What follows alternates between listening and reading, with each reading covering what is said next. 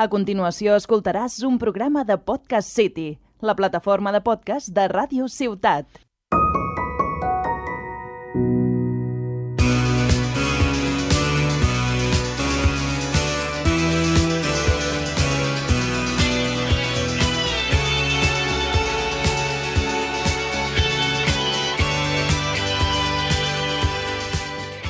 Benvinguts a un nou episodi del podcast Parlem del Nàstic. Avui comentarem el partit contra l'Albacete Balompié, farem la prèvia pel pròxim partit davant la Real Balompié Cadinense i parlarem sobre el mercat de fitxatges. El Nàstic de Tarragona empat a zeros davant el líder de la Lliga, l'Albacete Balompié, en un partit en què el conjunt grana va ser el clar dominador, va ser clar domina, dominador però no vam tindre el premi del gol. El pròxim partit serà d'aquí dues setmanes davant la Balompié Cadinense, un equip revelació que està en posicions de play-off. Mm, per comentar el partit contra l'Albacete, va ser un partit bo del Nàstic, no ens podem queixar. Vam tenir sumés el rival durant molts trams dels partits i que no vam trobar la manera d'introduir la pilota dins de la xarxa. De fet, sí la vam introduir, tot i que va ser un gol anul·lat, perquè l'àrbit va considerar que era falta de Robert Simón per fer una trepitjada el, el dorsal número 17 d'Albacete, que era Julio Alonso. Però va anul·lar el gol després de que la pilota hagi entrat. És, o sigui, va pitar després de, després de que la pilota vagi entrar, no va pitar després de la falta. Que és això el que... Pot, podia haver-hi contacte? Sí. Just? Sí. Però per què va pitar després i no va pitar justament quan, quan era la falta? És això el que ens preguntem tots els aficionats del Nàstic. El gol el va marcar el nou fitxatge de Dani Romera. Ja feia més que Pedro Martín aquesta temporada. Ens aquí estem tots d'acord. I vam debutar els dos fitxatges. Dani Romera, com ja he dit, que va marcar el gol, i Elias Pérez, que Elias Pérez vaig veure una mica encara que no sabia molt bé el que feia, perquè en algunes accions, si hagués tingut més confiança, podia haver xutat i la intentava fer passar, i en algunes accions m'agradaria que s'atrevís més a xutar perquè té un bon golpeig de pilota perquè ha marcat quatre gols de l'estimadura sent pivot. Sí que és cert que va jugar aquí com interior, que no, que no és la seva posició, però m'agradaria que xutés més, que, que té gol i a més té punteria. A la segona part, el defensa Itamir Tieres també reclamava un penalti per una agafada espenta d'un jugador d'Albacete, que aquell l'Evita tampoc la va veure, però tampoc era molt polible l'acció de pitar penalti. El penalti, l'acció arbitral, la polèmica va estar en el gol anul·lat. El mateix àrbitre va treure una targeta vermella a un membre de l'estaf tècnic del Nàstic a la segona part, per queixes de l'actuació arbitral, per queixes reiterades, i al final, pues, el va expulsar. El conjunt manxec hi havia Mohamed Jetei, exjugador grana, que va fer un partidàs, també, i Bernabé Barragán, exporter grana i excapità, un dels pitjors capitans que ha tingut el Nàstic aquí a Tarragona. Vull dir... El vaig...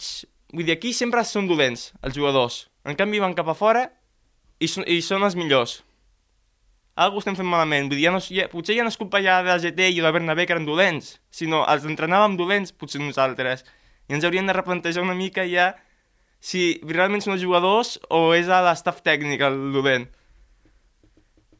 I pel que fa al resum, un partit amb un clar dominador, que va ser el Nàstic, tot i que va ser un, un domini amb trams de partit. Vull dir, no va ser un domini amb 90 minuts allí, un joc bé amb 90 minuts. Si l'haguéssim potser fet amb 90 minuts aquest joc bé, potser sí que haguéssim marcat, però va ser com per trams. Al començament, al final, al final de la primera part, al començament de la segona, va ser per trams i això jo crec que si seguim aquesta ratxa de 90 minuts jugant bé, algun partit segur que guanyem. Segur. I marcat per les actuacions arbitrals i un altre cop la falta de gol. Vull dir, si aquests trams, si no els aprofitem i no marquem gols, no podem fer res. Sí que és cert que Dani Romera va fer un bon partit. Va marcar un gol anul·lat, com he dit abans, i es va, es va moure per la banda, va agafar pilotes, va intentar comandar la davantera, amb un acompanyant que era Pablo Fernández, que li recomano que no faci tantes tasques defensives, com diu ell, sinó, sinó que faci més tasques cap endavant, cap a marcar gol. Perquè sí que és cert que les tasques de pressionar, de baixar pilotes, les sap fer, perquè un jugador corpulent, que, que recorda molt de Manu Barreiro a mi, però vull que miri cap endavant, que no miri cap endarrere la defensa. Perquè si ens falta gol i mira cap a la defensa, anem malament. Per tant, hem de mirar endavant que necessitem gol. El partit serà el dia, diumenge 24 de gener a les 4 a l'estadi municipal de la línia de la Concepción davant un equip, revelació com he dit abans, que ningú s'esperava que estigués al playoff i ara parlant del partit no pot ser que cada setmana ens estiguin canviant els horaris. Vull dir, es van establir uns horaris que s'han de complir. Els hem de complir. Algun, algun partit sí que hi ha d'haver variacions, però és que cada setmana ja fa unes quantes que ens estan canviant l'horari. Vull dir, al final l'aficionat el tornen boig amb un, amb un horari i amb un altre. I en teoria és aquest... I per, què, I per què no juguem la setmana que ve i d'aquí dues setmanes?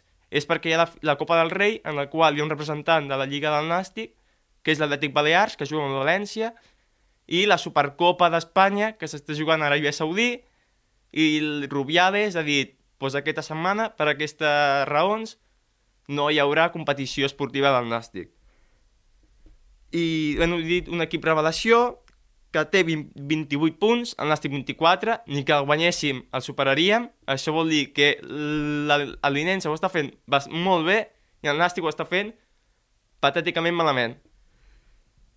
Tot i que guanyar és molt difícil, perquè el Nàstic és un dels únics equips d'Espanya que no ha guanyat fora a casa. En algun moment haurà de tocar, sí, però amb un equip que està a playoff encara costarà més. I ara mateix som el pitjor vi visitant de la categoria. Perquè Betis Deportiva va guanyar el, el Johan Cruyff amb el Barça B per 1-2 i ara mateix som nosaltres. Vull dir, calculista de la Lliga ens superi com a equip visitant, algú estem fent malament aquí. El Linense compta amb els exjugadors Alberto Varo, que és el porter, que l'han fitxat del Lugo. Aquí va jugar més a la por de Mafumet que al Nàstic, perquè el Nàstic tenia Stole Dimitrievski, Saja en aquell moment, l'argentí, que eren, teòricament, millor que ells. Dimitrievski sí, però Saja ho dubto, la veritat. I el davanter centre de Riu de Canyes, Gerard Oliva, un altre aquí malament, però allí aporta 4 gols, que són els mateixos gols que va fer el Nàstic la temporada passada, estan tota la temporada. Allí encara ens queda un partit de la volta i ja té 4 gols. Vull dir, sí que aquí era un jugador que lluitava, corria, saltava, però no marcava. En canvi, allí ja porta 4 gols. Una altra cosa com que passa com GT i, i Barragán. Ens hauríem de, replantejar què estem fent amb els jugadors. Pel que fa a una possible alineació, Manu García titular, Sal... Quintanilla titular, apostarà per Aitami, jo crec, el tècnic Raúl Agné, John Oriol a la terra d'esquerra, indiscutible també, ojalà posi Pol Domingo. Bé, el Pol Domingo ha, ha agafat el Covid, per això no va poder estar aquest partit contra el Bacete, però avui ha retornat als entrenaments, i m'agradaria que jugués Elias Pérez, jo suposo que traurà, Pedro del Campo, que em va agradar molt per ser contra l'Albacete, em va agradar molt, i suposo que traurà. Ribelles, que per Raudac és un indiscutible. Robert Simón, com sempre, un punyal per la banda. I suposo que jugarà Dani Romera titular i després estarà entre Pablo Fernández i Frank Carbia, que a mi Frank Carbia m'agrada més com a revulsiu, però és que Pablo Fernández també ve una mica encara molt verd. Pel que fa una porra, M'agradaria confiar en una victòria a fora casa, la primera. No demano un resultat molt amb molta distància, amb un resultat just de 0-1 o 2 em serveix. Vull dir, hem de guanyar ja sí o sí, ja toca guanyar fora casa. I ara el que he dit, també repassarem el mercat de fitxatges, mercat de fitxatges, que hem fet els fitxatges de Dani Romera, nou fitxatge gran en qualitat de cedit, és important, que a final de temporada s'anirà cap a la Societat Deportiva Pontferradina, que és d'on l'han cedit. Elias Pérez, nou fitxatge provinent de l'Extremadura Unió Deportiva, que molt bé aquí la directiva, la directiva del Nàstic i Sergi Parés en veure que l'Extremadura pot ser un Reus 0 i està, està, diguéssim, està fitxant jugadors a cos zero cap aquí. A més, a més l'Elias Pérez era un pilar de l'equip de l'Extremadura. Per tant, des d'aquí, molt bé, en aquest cas, Sergi Parés, que és el director esportiu, en aprofitar aquesta situació mig convulsa que té l'Extremadura. Pol Ballesteros, com ja comentàvem en altres programes, està fora de l'equip, en aquest cas en qualitat de cedit al Badalona, i que comparteix vestuari amb Xavi Molina, perquè Xavi Molina està al Badalona i ara mateix compartirà vestuari amb, amb, amb Xavi Molina. Òscar Sanz, un altre jove que no té minuts, se'n va en qualitat de cedit al Club Deportivo Ebro, en busca de minuts, a final... Tot, totes aquestes sessions són fins a final de temporada, vull dir, en teoria, a l'estiu tornen a vindre. Després, Andrei Lupu, que no tenia fitxa primer equip, se'n va seguir a un històric de futbol espanyol, al Club Deportivo Numancia, en busca de minuts, un altre d'allò que està bé, el fitxatge random d'aquest estiu Circo Vic ha restingut el contracte i, ja, i no té equip, millor perquè vull dir, era un, pagar uns sous per, de manera molt inútil, parlant, parlant en plata. Karim El Kouxa encara no està dintre l'equip, però tot preveu que també se'n marxís a dir fins a final de temporada perquè no està tenint minuts i no ho trobaria malament aquesta sessió, perquè tampoc estàs tenint minuts i estàs frenant la, la progressió d'un jugador. Per tant, el cedeixes a un tipus Ebro i tampoc passarà res. Després tenim un tema calent, Francesc Fullana. Està més fora que dintre. I a més, Elias Pérez ve i li donen el 10, que és el dorsal de Fullana. Això tampoc és, eh, per mi. Vull dir, aquí estàs fent ja ja, ja, ja l'estan dient, te'n vas per, perquè t'estem obligant a anar-te'n, però té contracte fins a final de temporada. Per tant, no, no li pots treure el dorsal perquè se'n vagi. Vull dir, aquí ja estem tractant els jugadors ja malament, ja. Vull dir, no... Fullana ho està fent malament? No del tot. Ho està fent bé? No. Ho està fent suspès? Sí. Però té contracte fins, fins a final de temporada.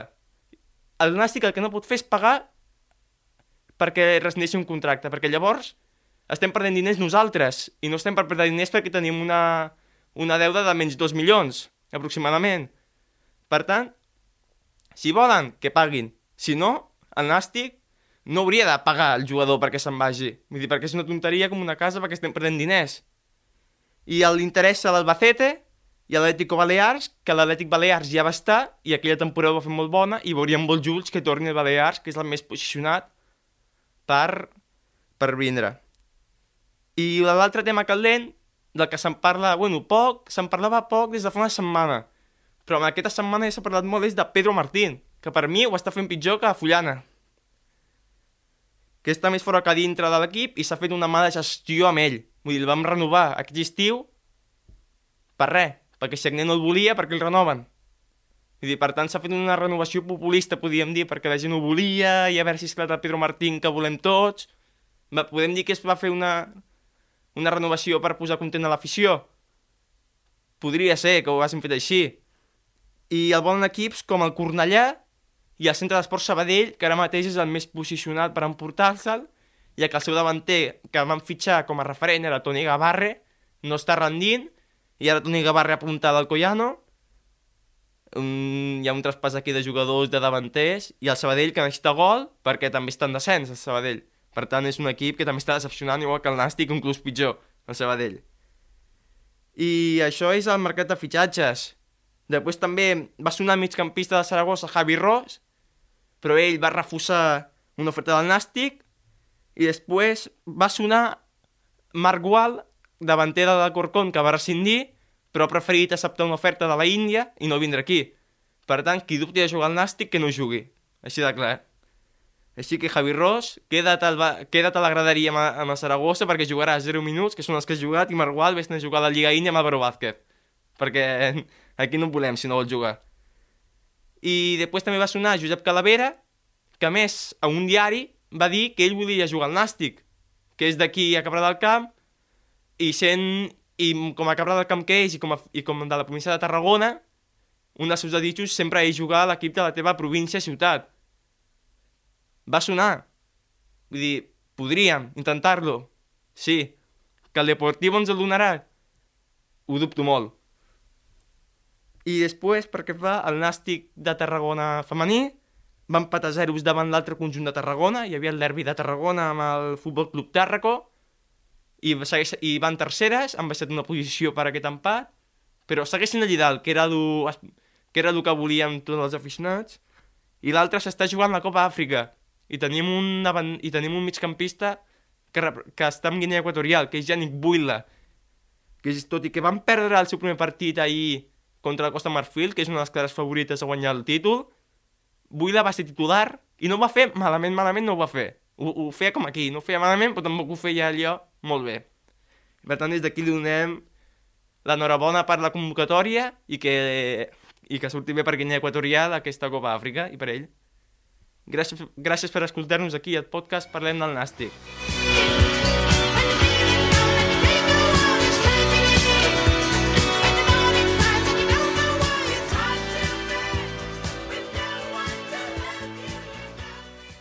Has escoltat un programa de Podcast City, la plataforma de podcast de Ràdio Ciutat.